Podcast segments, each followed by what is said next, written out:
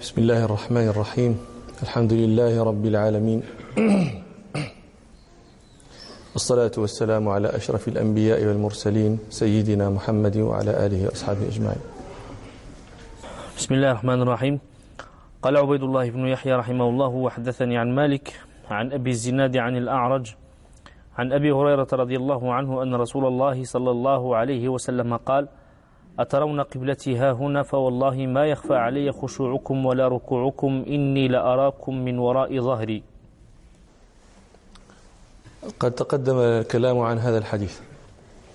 وذكرنا ما يتعلق به وقلنا إن بعض العلماء حملوا الرؤية هنا على العلم وذلك وإن كان سائغا في لغة, في لغة العرب وإلا أن هنا قرينة تمنع هذا المعنى وذكرنا ذلك وقلنا إن, إن هذا مذهب الجمهور حمل الرؤية على الرؤية البصرية. وقلنا إن ابن عبد البر رحمه الله قال دفعت طائفة من أهل الزيغ في هذا الحديث. وقالوا كيف تقبلون هذا وأنتم تروون ضده؟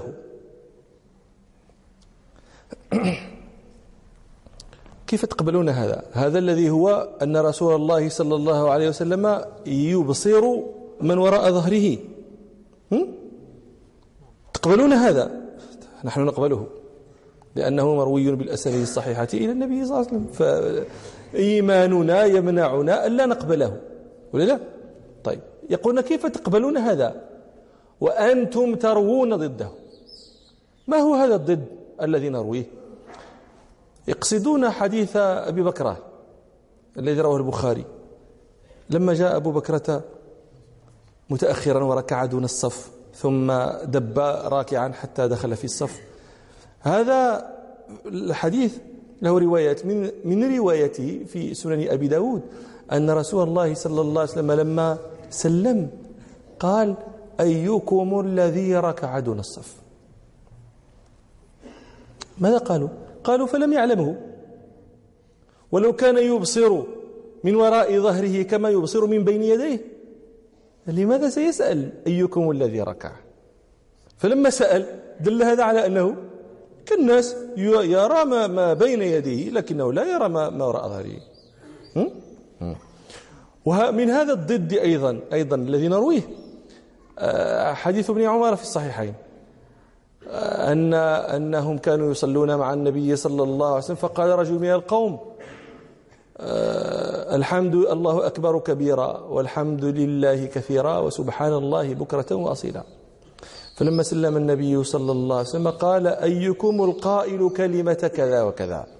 فقال الرجل أنا يا رسول الله فقال النبي صلى الله عليه وسلم عجبت لها فتحت لها أبواب السماء.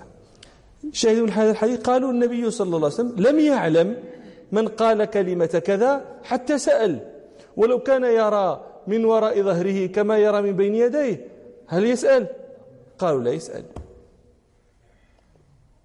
ابن عبد البر أنتم ترون أن هذا هذه الاستشكالات لو لو قيل لأحدكم هذه يستشكلها بعض العلماء لأساغها لأنه يراها استشكالات منطلقة من من أحاديث. لكن ابن لكن ذلك لم يمنع ابن عبد البر من أن يسمي أصحابها أهل الزيغ لأنهم يرومون ضرب الوحي بعضه ببعض. هي قضية. هو رحمه الله قد حاول رام أن يجيب عن هذا. قال فضائل رسول الله صلى الله عليه وسلم كانت تزيد ولا تنقص تزيد مع الأيام. قال ألم, ألم ترى أنه قال كنت عبدا قبل أن أكون نبيا وكنت نبيا قبل أن أكون رسولا فهذا ارتقاء في الفضائل. ثم قال صلى الله عليه وسلم آه، لما قيل لما آه، قال صلى الله عليه وسلم لا لا تفضلوني على يونس بن متى؟ النبي يونس عليه السلام. وقال صلى الله عليه وسلم لما قاله إنسان آه، يا أكرم الخلق قال صلى الله عليه وسلم ذاك إبراهيم عليه السلام. وقال له مرة إنسان يا شريف بن الشرفاء أو يا سيد بن السادة قال له النبي صلى الله عليه وسلم ذاك يعقوب بن إسحاق ذاك يوسف بن يعقوب بن إسحاق بن إبراهيم. قال ابن عبد البر ثم أنزل الله عليه إنا فتحنا لك فتحا مبينا ليغفر لك الله ما تقدم من ذنبك وما تأخر. ولم يغفر لأحد قبله ما تقدم من ذنبه وما تأخر. فهناك صلى الله عليه وسلم قال أنا سيد ولد آدم ولا فخر. مع أنه كان قبل قال قبل ذلك لا تفضلوني على يونس بن متى؟ وقال لما قيل له يا أكرم قال ذاك إبراهيم. وقال ولكن لما نزلت عليه سورة الفتح وغفر له ما تقدم من ذنبه وما تأخر ولم يفعل بذلك بأحد قط قبله ولا بعده. قال هناك قال أنا أنا سيد ولد آدم ولا فخر. وهناك والله أعلم قال إني لأراكم من وراء ظهري كما أرى من بين يدي. فكانت فضائله صلى الله عليه وسلم تزيد ولا تنقص. مفهوم الجواب يعني كأن ابن عبد البر رحمه الله يقول إن قوله إن حديث أبي بكرة متقدم وإن قوله الذي قال الله أكبر كبيرا إلى آخره متقدم. وبعد ذلك زاد من فضائله أنه أوتي الرؤية من وراء ظهره كما أوتيها من بين يديه. وأنا ظهر لي وجه للجواب آخر. أنا ما رأيته عند أحد من العلماء لكنه مما قدحه الله في نفسي في الجواب عن حديث أبي بكرة هم قالوا النبي صلى الله عليه وسلم لم يره. طيب. لماذا؟ لأنه سأل أيكم الذي ركع. هكذا قالوا. طيب. نحن نقول فكيف عرف أن هناك من ركع؟ هم؟ قالوا لم يره لأنه سأل. هو يقول أيكم الذي ركع؟ يعني هو عرف أن مصليا من المصلين ركع دون الصف ثم دب إلى الصف راكعا. هذه رؤية من وراء ظهره ولا لا؟ نعم. لا شك في هذا. طيب. قد يقولون لنا لا في بعض روايات الأحاديث فذكر له ذلك. طيب نسلم. وإن كان النقاش فيها قد يطول نسلم لكم. هناك جواب آخر. النبي صلى الله عليه وسلم قال إني لا أراكم من وراء ظهري ها هو رسول الله صلى الله عليه وسلم منتصبا. هذا ظهره وهذا أمامه. هو يراه من وراء ظهره لكن لما ركع ها هو وراء ظهره. فهذا الذي جاء وركع. والنبي صلى الله عليه وسلم راكع. النبي صلى الله عليه وسلم لا يراه لأنه لما كان راكعا فما وراء ظهره هو سقف المسجد لا مؤخرات المسجد. واش واضح الكلام؟ هذا ما ظهر لي. إذن فلا اعتراض. واضح؟ وأما الجواب عن قوله صلى الله عليه وسلم أيكم القائل كلمة كذا وكذا؟ قالوا لم يعلمه حتى سأل. نحن نقول ما يسمع هذه الأصوات؟ هذا قال الله أكبر كبيرا هذا صوت. الأصوات بأي الحواس تدرك؟ بالعين أم بالسمع؟ بالسمع.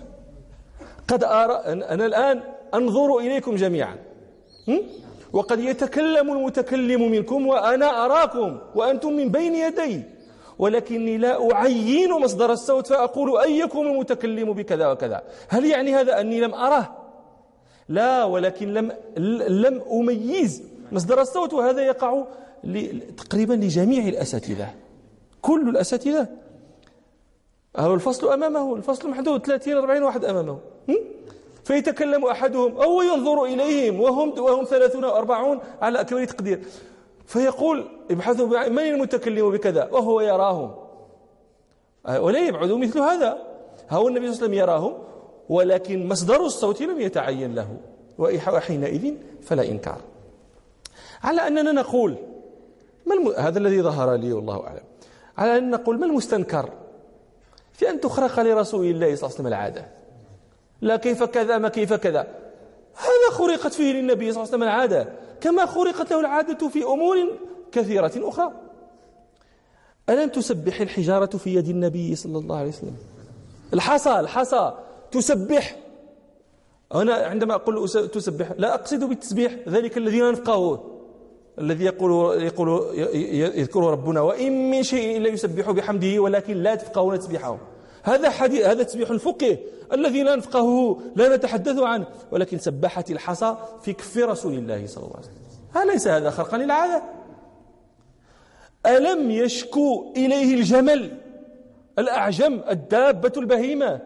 شكت إلى النبي صلى الله عليه وسلم لما دخل ذلك الحائط للأنصاري.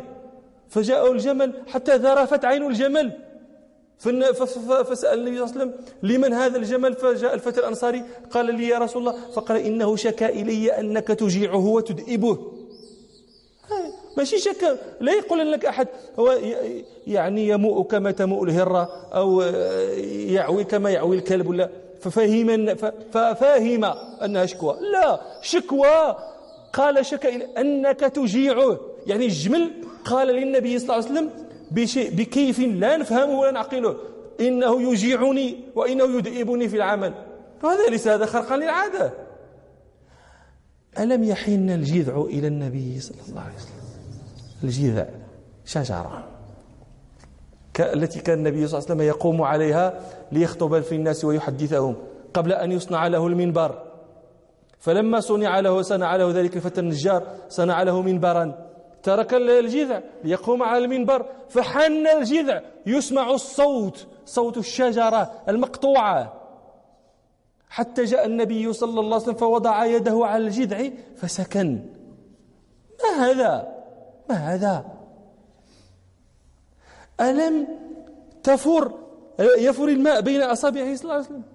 وضع يده الكريمة صلى الله عليه وسلم في الإناء الذي فيه قليل من الماء ما يكفي رجلا واحدا. فرأى الصحابة الماء يفور بين أصابعه كأنه عيون فوارة. حتى سقى الجيش كله بأناسيه ودوابه. أليس هذا خرقا للعادة؟ فما فما فأي شيء يستنكر حتى نقول كيف كذا وكيف كذا؟ ثم ألم تخرق ألم تخرق العادة فيما يرجع إلى الإبصار؟ كما خلقت في هذا الحديث. روى الشيخان في صحيحيهما عن ابن عمر رضي الله عنهما أن رسول الله صلى الله عليه وسلم قال عرضت علي آنفا عرضت علي الجنة والنار آنفا في عرض هذا الحائط وأنا أصلي. فما رأيت كاليوم في في الخير والشر. رأى النبي صلى الله عليه وسلم الجنة والنار في حائط قبلته. الجنة التي عرضها السماوات والأرض. والنار معها عرضت على عرضتا على النبي صلى الله عليه وسلم في عرض الحائط.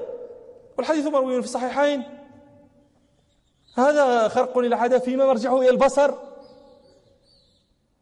ألم يكن النبي صلى الله عليه وسلم يرى ما لا يراه الناس؟ وهذا خرق للعادة فيما يرجع إلى البصر. البخاري عن عائشة رضي الله عنها أن رسول الله صلى الله عليه وسلم قال لها هذا جبريل يقرأ عليك السلام. هاتي شوفي هذا هل يشار إلى الغائب؟ هذا اسم إشارة تشير إلى الغائب. إذا أشرت إلى الغائب اعتقد اعتقد اعتقدك الناس مجنونا. يقول النبي صلى الله عليه وسلم هذا جبريل. يقرأ عليك السلام فقالت رضي الله عنها وعليه السلام ورحمة الله. ترى ما لا نرى. تريد جبريل. إلى نظائر لهذا كثيرة كثيرة مروية بالأسانيد الصحيحة النظيفة. إذا فما فما العجيب في هذا؟ أن تخرق العادة لرسول الله صلى الله عليه وسلم. وهذه آه، عقيدتنا عقيدة المسلمين يأخذها خلف عن سلف. أن الأحاديث إذا صحت عن الرسول صلى الله عليه وسلم صحت. لا تضرب لها الأمثال ولا تعارض بالأقيسة ولا ترد بالأقوال. فما تعقل منها فقد تعقل.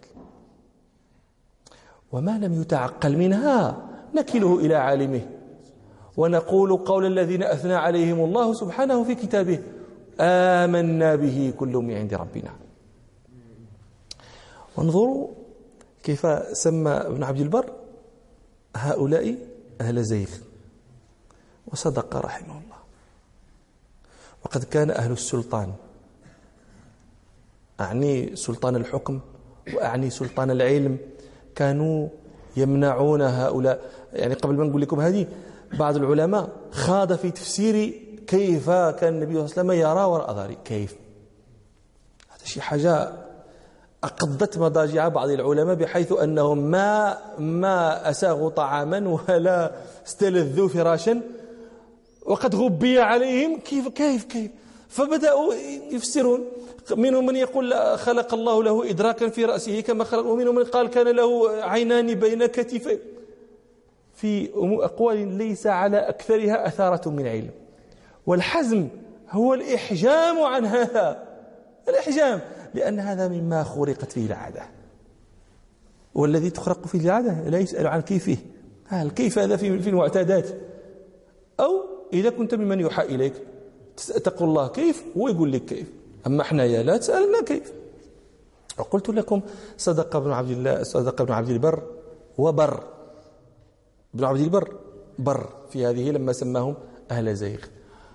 وقلت لكم كان الناس كان ذو السلطان سلطان سلطان الحكم وسلطان العلم يمنعون هؤلاء من ال من ال من مثل هذا.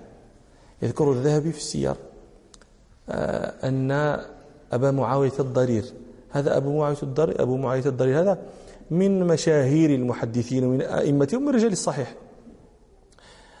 حدث كان في مجلس هارون الرشيد رحمة الله عليهما وكان يحدثه بحديث حج آدم موسى. هذا حديث مروي في الصحيحين. طبعا في وقت أبي معاوية الضرير لا يقال مروي في الصحيحين هو من هو من رجالهما ولكنه حديث صحيح لا كلام فيه. وحديث عن ابن عمر رضي الله عنهما آه، أن رسول الله صلى الله عليه وسلم قال احتج آدم وموسى. احتج يعني تحاج يعني تناظرا تجادلا فقال موسى لآدم يا آدم أنت أبونا خيبتنا وأخرجتنا من الجنة. تقولوا الناس دابا؟ آدم كون راه باقي نحن في الجنة. واش انت بعقلك تقولوا هذا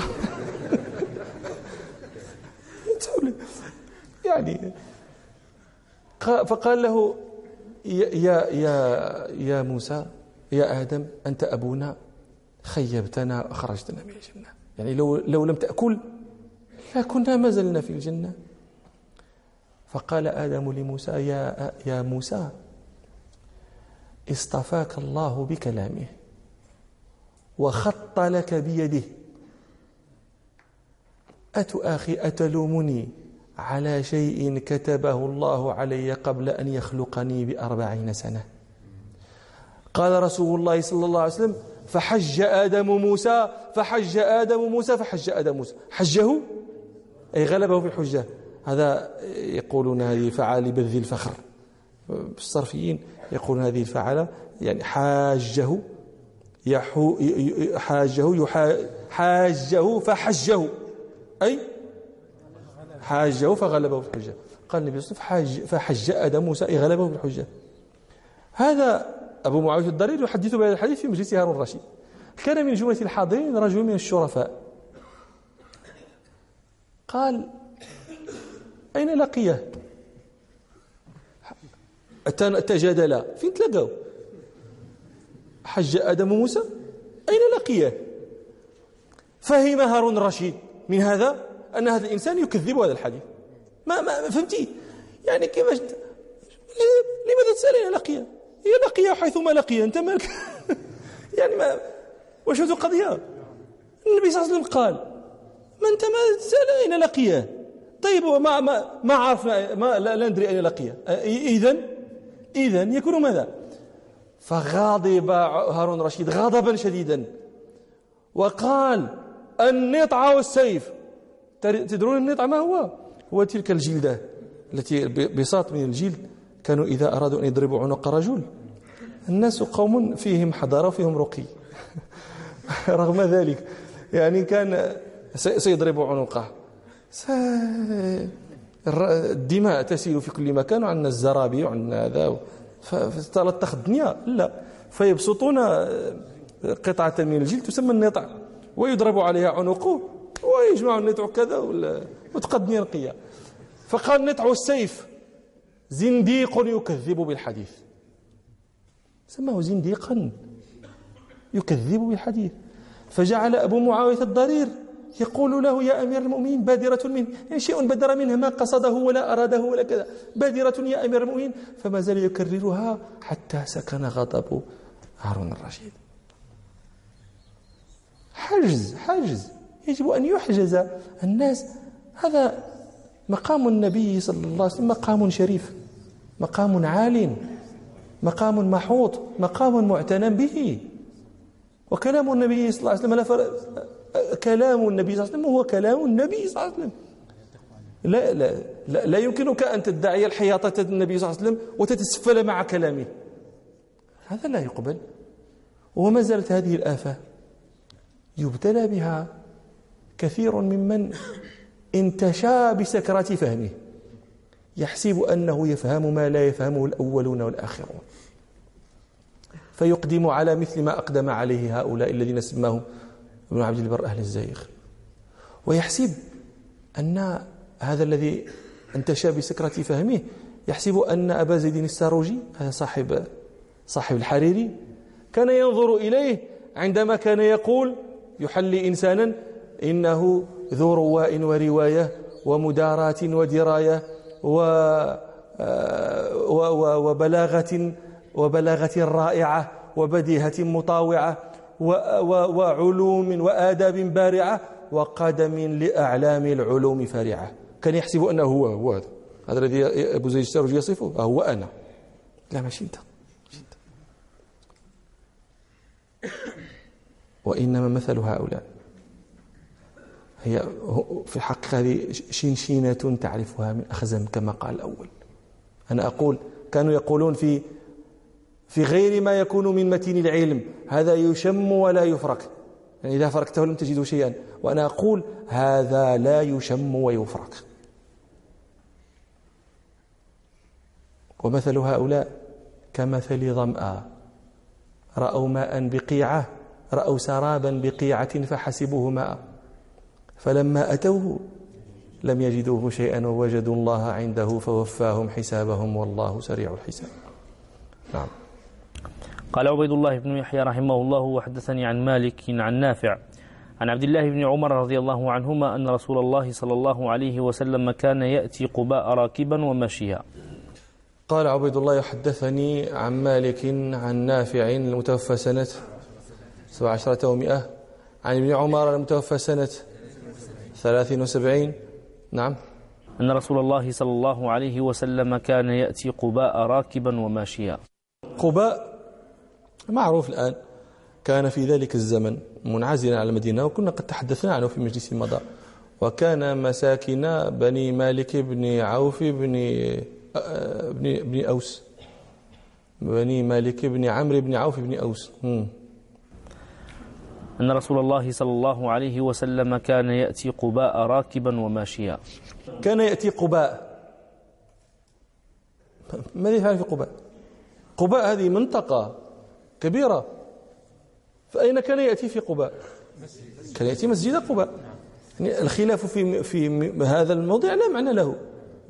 كان بعضهم يقول كان يأتي يتفقد أحوال أهل قباء. هو كان يأتي مسجد قباء يصلي فيه. وقد روى شيخان عن ابن عمر رضي الله عنهما أن رسول الله صلى الله عليه وسلم كان يأتي مسجد قباء راكبا وماشيا فيصلي فيه. هذا صريح في أنه صلى الله عليه وسلم كان في مسجد قباء. ومسجد قباء الصلاة فيه لها فضل عظيم جدا. فقد روى ابن ماجه وغيره أن رسول الله صلى الله عليه وسلم قال آه، صلاة في مسجد قباء كعمرة. وهذا فضل عظيم. طبعا هو لا, لا تضعف فيه الصلاة كما تضعف في المسجد الحرام والمسجد النبوي والمسجد الأقصى. لا تضعف. ولكن مع ذلك أن تعدل الصلاة عمرة فهذا فضل عظيم جدا. نعم. أن رسول الله صلى الله عليه وسلم كان يأتي قباء راكبا وماشيا. راكبا وماشيا. هل يمكن هذا؟ هل يمكن؟ تأتي تأتي أنت المسجد راكبا وماشيا. الآن من جاء المسجد؟ إما جاء راكبا وإما جاء ماشيا. يعني كيف جاء راكبا وماشيا؟ يعني الواو هنا الواو بمعنى أو. راكبا أو ماشيا. هل تأتي الواو بمعنى أو؟ أنا لا أسألكم. أنا أتساءل معكم. هذا موضوع اختلف فيه أهل اللغة. كثير منهم يمنع ذلك. العكس جائز. مجيء أو بمعنى الواو هذا معروف. لكن مجيء الواو بمعنى أو هذا عندهم خلاف في أهل اللغة بين أهل اللغة. منهم من يقول لا تجيء الواو بمعنى أو. وكل ما ورد من الشعر مما ظاهره أن الواو تجيء بمعنى أو فهو مؤول إلى معنى من المعاني التي تجيء لها الواو. ولكن يشكل على هذا آه، قول ربنا سبحانه فانكحوا ما طاب لكم من النساء مثنى وثلاث ورباع. لا بد من حمل الواو هنا على أو. مثنى أو ثلاث أو رباع لأنك إذا قلت معنى الواو معناه صار الإنسان يستطيع أن يتزوج كم؟ لا يتسعود مثنى وثلاث ورباع هذه تسعة.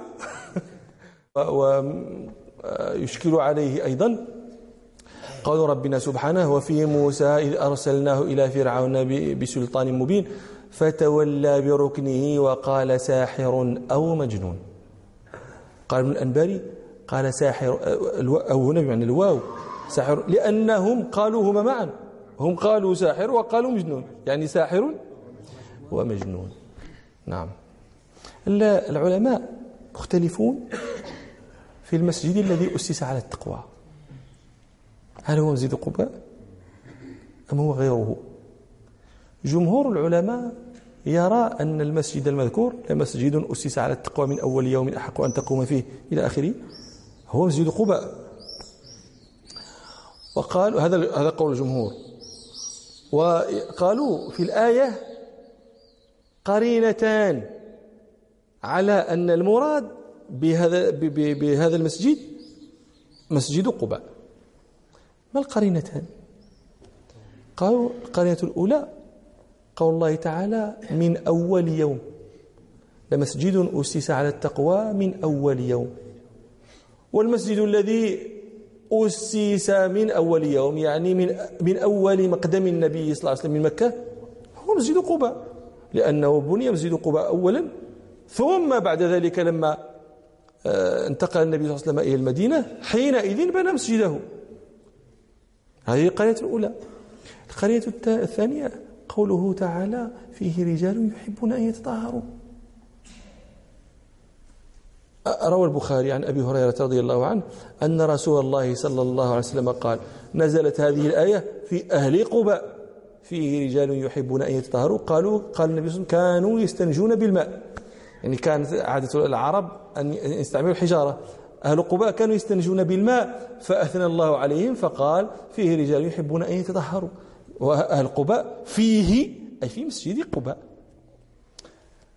وذهبت طائفة من العلماء إلى أن المسجد المذكور في الآية هو مسجد النبي صلى الله عليه وسلم ويستدلون على ذلك بما رواه مسلم عن أبي سعيد الخدري رضي الله عنه. قال دخلت على النبي صلى الله عليه وسلم في بيت بعض نسائه فقلت يا رسول الله أي المسجدين الذي بني على التقوى. فقال صلى الله عليه وسلم فأخذ رسول الله صلى الله عليه وسلم كفا من حصباء ثم ضرب به الأرض ثم قال مسجدكم هذا. يعني مسجد النبي هو في بيت بعض نسائه. لا, لا النبي صلى الله عليه وسلم لا بيت له في قباء إنما بيوته محيطة بمسجده. فلما دخل عليه وقال مسجدكم هذا فالمشار إليه ومسجده صلى الله عليه وسلم. ومثل ذلك أيضا ما رواه أحمد وغيره عن أبي هريرة عن أبي هريرة رضي الله عنه قال اختلف رجلان في المسجد الذي أسس على التقوى فقال أحدهما هو مسجد قباء وقال الآخر هو مسجد رسول الله صلى الله عليه وسلم. فأتى يا رسول الله صلى الله عليه وسلم فقال هو مسجدي هذا. هذا سبب الخلاف. وهذا القول الثاني هو قول مالك في العتبية وقال ابن رشد إنه الصحيح لكن ذهب الداودي والسهيلي هذا المراكشي دفين مراكش إلى جمع بين القولين جمعا حسنا وذكره الحافظ ابن حجر واستحسنه أيضا. قال كلا المسجدين بني على التقوى. مسجد النبي صلى الله عليه وسلم بدليل حديث مسلم والمسجد قباء بدليل الآية. ولكن إذا كان المسجدان بني على التقوى لماذا النبي صلى الله عليه وسلم يقول مسجدكم هذا؟ ولا يذكر مسجد قباء. قال ابن حجر نقل عن من تقدمه قال ليزيل التوهم أن البناء على التقوى محصور في مسجد قباء. فلإزالة هذا التوهم قال مسجدكم هذا ليعلم أن المسجدين مبنيان على التقوى. والله أعلم. نعم. قال عبيد الله بن يحيى رحمه الله وحدثني عن مالك عن يحيى بن سعيد عن النعمان بن مرة أن رسول الله صلى الله عليه وسلم قال ما ترون في الشارب والسارق والزاني وذلك قبل أن ينزل فيهم. قالوا الله ورسوله أعلم. قال هن فواحش وفيهن عقوبة وأسوأ السرقة الذي يسرق صلاته. قالوا وكيف يسرق صلاته يا رسول الله؟ قال لا يتم ركوعها ولا سجودها. قال عبيد الله رحمه الله حدثني عن مالك عن يحيى بن سعيد يحيى بن سعيد؟ أي يحيى. الأنصاري. ها ها. توفى سنة ثلاث وأربعين وقيل أربعين وأربعين ومئة نعم ها. عن النعمان بن مرة. النعمان بن مرة الزرقي الأنصاري المدني التابعي الكبير الثقة. قال بعضهم هو صحابي ولكن الأظهر أنه تابعي وبذلك جزم البخاري وغيره. ولست أدري سنة وفاته طيب. النعمان بن مرة يروي عن النبي صلى الله عليه وسلم. ما هذا الحديث؟ هذا حديث مرسل. يعني يرويه تابعي عن النبي صلى الله عليه وسلم. وما رواه التابعي عن النبي صلى الله عليه وسلم فهو مرسل. طيب. هذا مرسل لكن آه يشهد له. ما رواه الطبراني في معجمه الكبير عن عمران بن حسين رضي الله عنه أن رسول الله صلى الله عليه وسلم قال أرأيتم الزاني والسارق وشارب الخمر؟ ماذا ما تقولون فيهم قالوا الله ورسوله أعلم. قال هن فواحش وفيهن عقوبة. ألا أنبئكم بأكبر الكبائر؟ الإشراك بالله. ثم قرأ صلى الله عليه وسلم واعبدوا الله ولا تشركوا به شيئا. ثم قال وعقوق الوالدين. ثم قرأ صلى الله عليه وسلم أن اشكر لي ولوالديك إلي المصير. ثم كان متكئا فاحتفز وقال ألا وقول الزور. وهذا طبعا هذا الحديث فيه عنعنة الحسن البصري ولكن يشهد له حديث الموطأ فيعتضدان كما قال ابن حجر.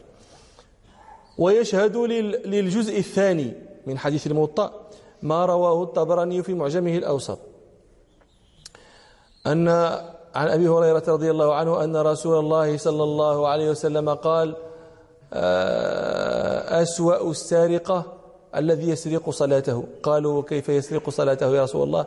قال لا يتم ركوعها ولا سجودها. وروى أحمد وأبو يعلى في مسنديهما عن أبي سعيد الخدري رضي الله عنه أن رسول الله صلى الله عليه وسلم قال أسوأ السارقة الذي يسرق صلاته؟ قالوا يا رسول الله كيف يسرقها؟ قال لا يتم ركوعها ولا سجودها. فهذه الأحاديث تشهد لهذا المرسل الذي في الموطأ. نعم. أن رسول الله صلى الله عليه وسلم قال ما ترون في الشارب والسارق والزاني. والرسول صلى الله عليه وسلم يريد أن يخبرهم بحكم سرقة الصلاة. فيقدم لهذا بأن يبين لهم أن هذا قريب من أشياء يعرفون قبحها وهي هذه الشرب شرب الخمر والزنا والسرقة. نعم.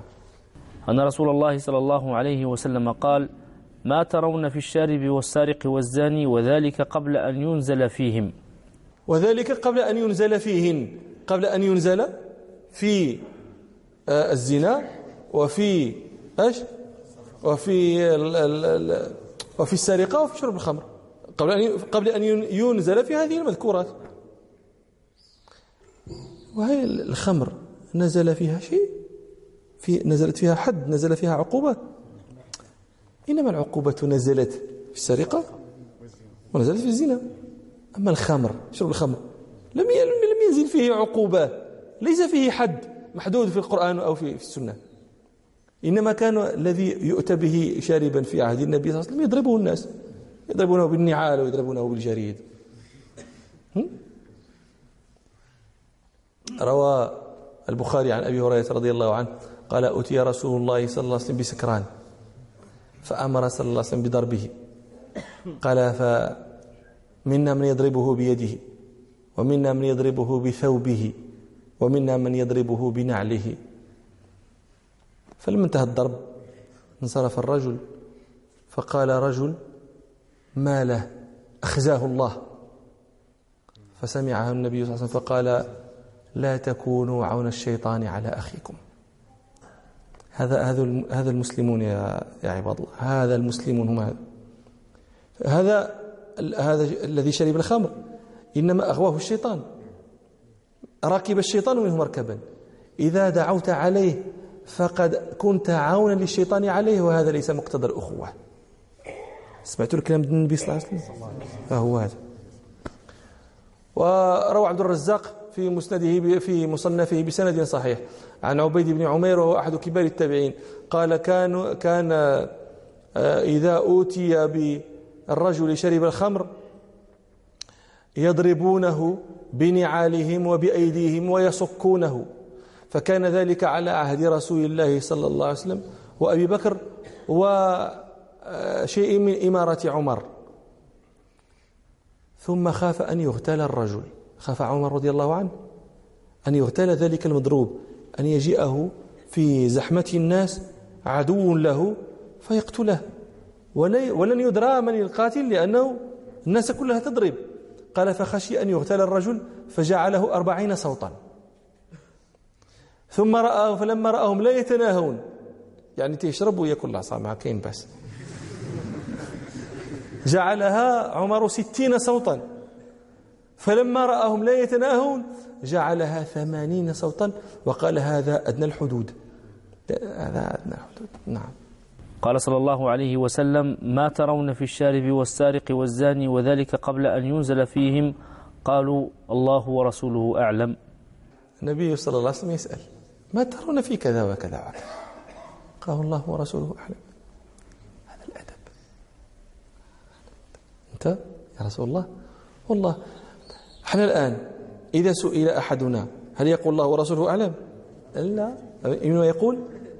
لا يقول الله أعلم ينسب العلم إلى الله والرسول صلى الله عليه وسلم الآن وفي عالمه الذي هو فيه. وهذا أدب يتحلى علمناه ربنا سبحانه وعلمناه رسولنا صلى الله عليه وسلم وعلمناه أصحاب رسولنا صلى الله عليه وسلم رضي الله عنهم. وقد عتب الله سبحانه على نبيه موسى. موسى عليه السلام من أولي العزم من الرسل ومن المصطفين اصطفاه الله بكلامه. إني قال يا موسى إني اصطفيتك عن الناس بكلامي. وكتب له الألواح بيده. سبحانه وتعالى. ولكن عتب الله عليه. الحديث الذي في البخاري عن عن كعب أن أنه سمع رسول الله صلى الله عليه وسلم يقول آه، كان موسى مع بني إسرائيل فسألوه من أعلم الناس؟ قال أنا.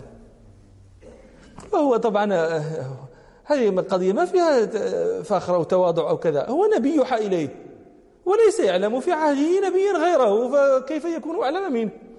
قال فعتب الله عليه إذ لم ينسب العلم إليه. قال كان يجمل بك أن تقول الله أعلم. فلما لم يقلها عتب الله عليه فأوحى إليه إن لي عبدا بمجمع البحرين هو أعلم منك يا موسى. فقال يا ربي وكيف آتيه أو كيف أصل إليه؟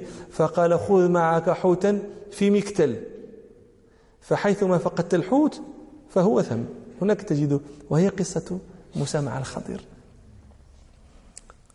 قال فلما جاوزا قال لفتاه آتنا غداءنا. ما الغداء؟ هو ذلك الحوت الذي في المكتل.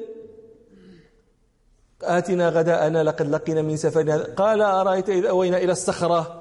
فإني نسيت الحوت وما أنساني إلا الشيطان أن أذكره. فلما رجع إلى الصخرة وجد أن الحوت اتخذ سبيله في البحر. فهناك قال الله له فحيثما فقدت الحوت ثم ذاك العبد. وكان ما كان مما قص الله تعالى في سورة الكهف ومما له أشياء أخر طويت في القرآن وذكرت في حديث هو في الصحيح. قد نذكره إن شاء الله في في وقته. وإلى مجلس آخر إن شاء الله. سبحانك اللهم وبحمدك أشهد أن لا إله إلا أنت أستغفرك وأتوب إليك والحمد لله رب العالمين.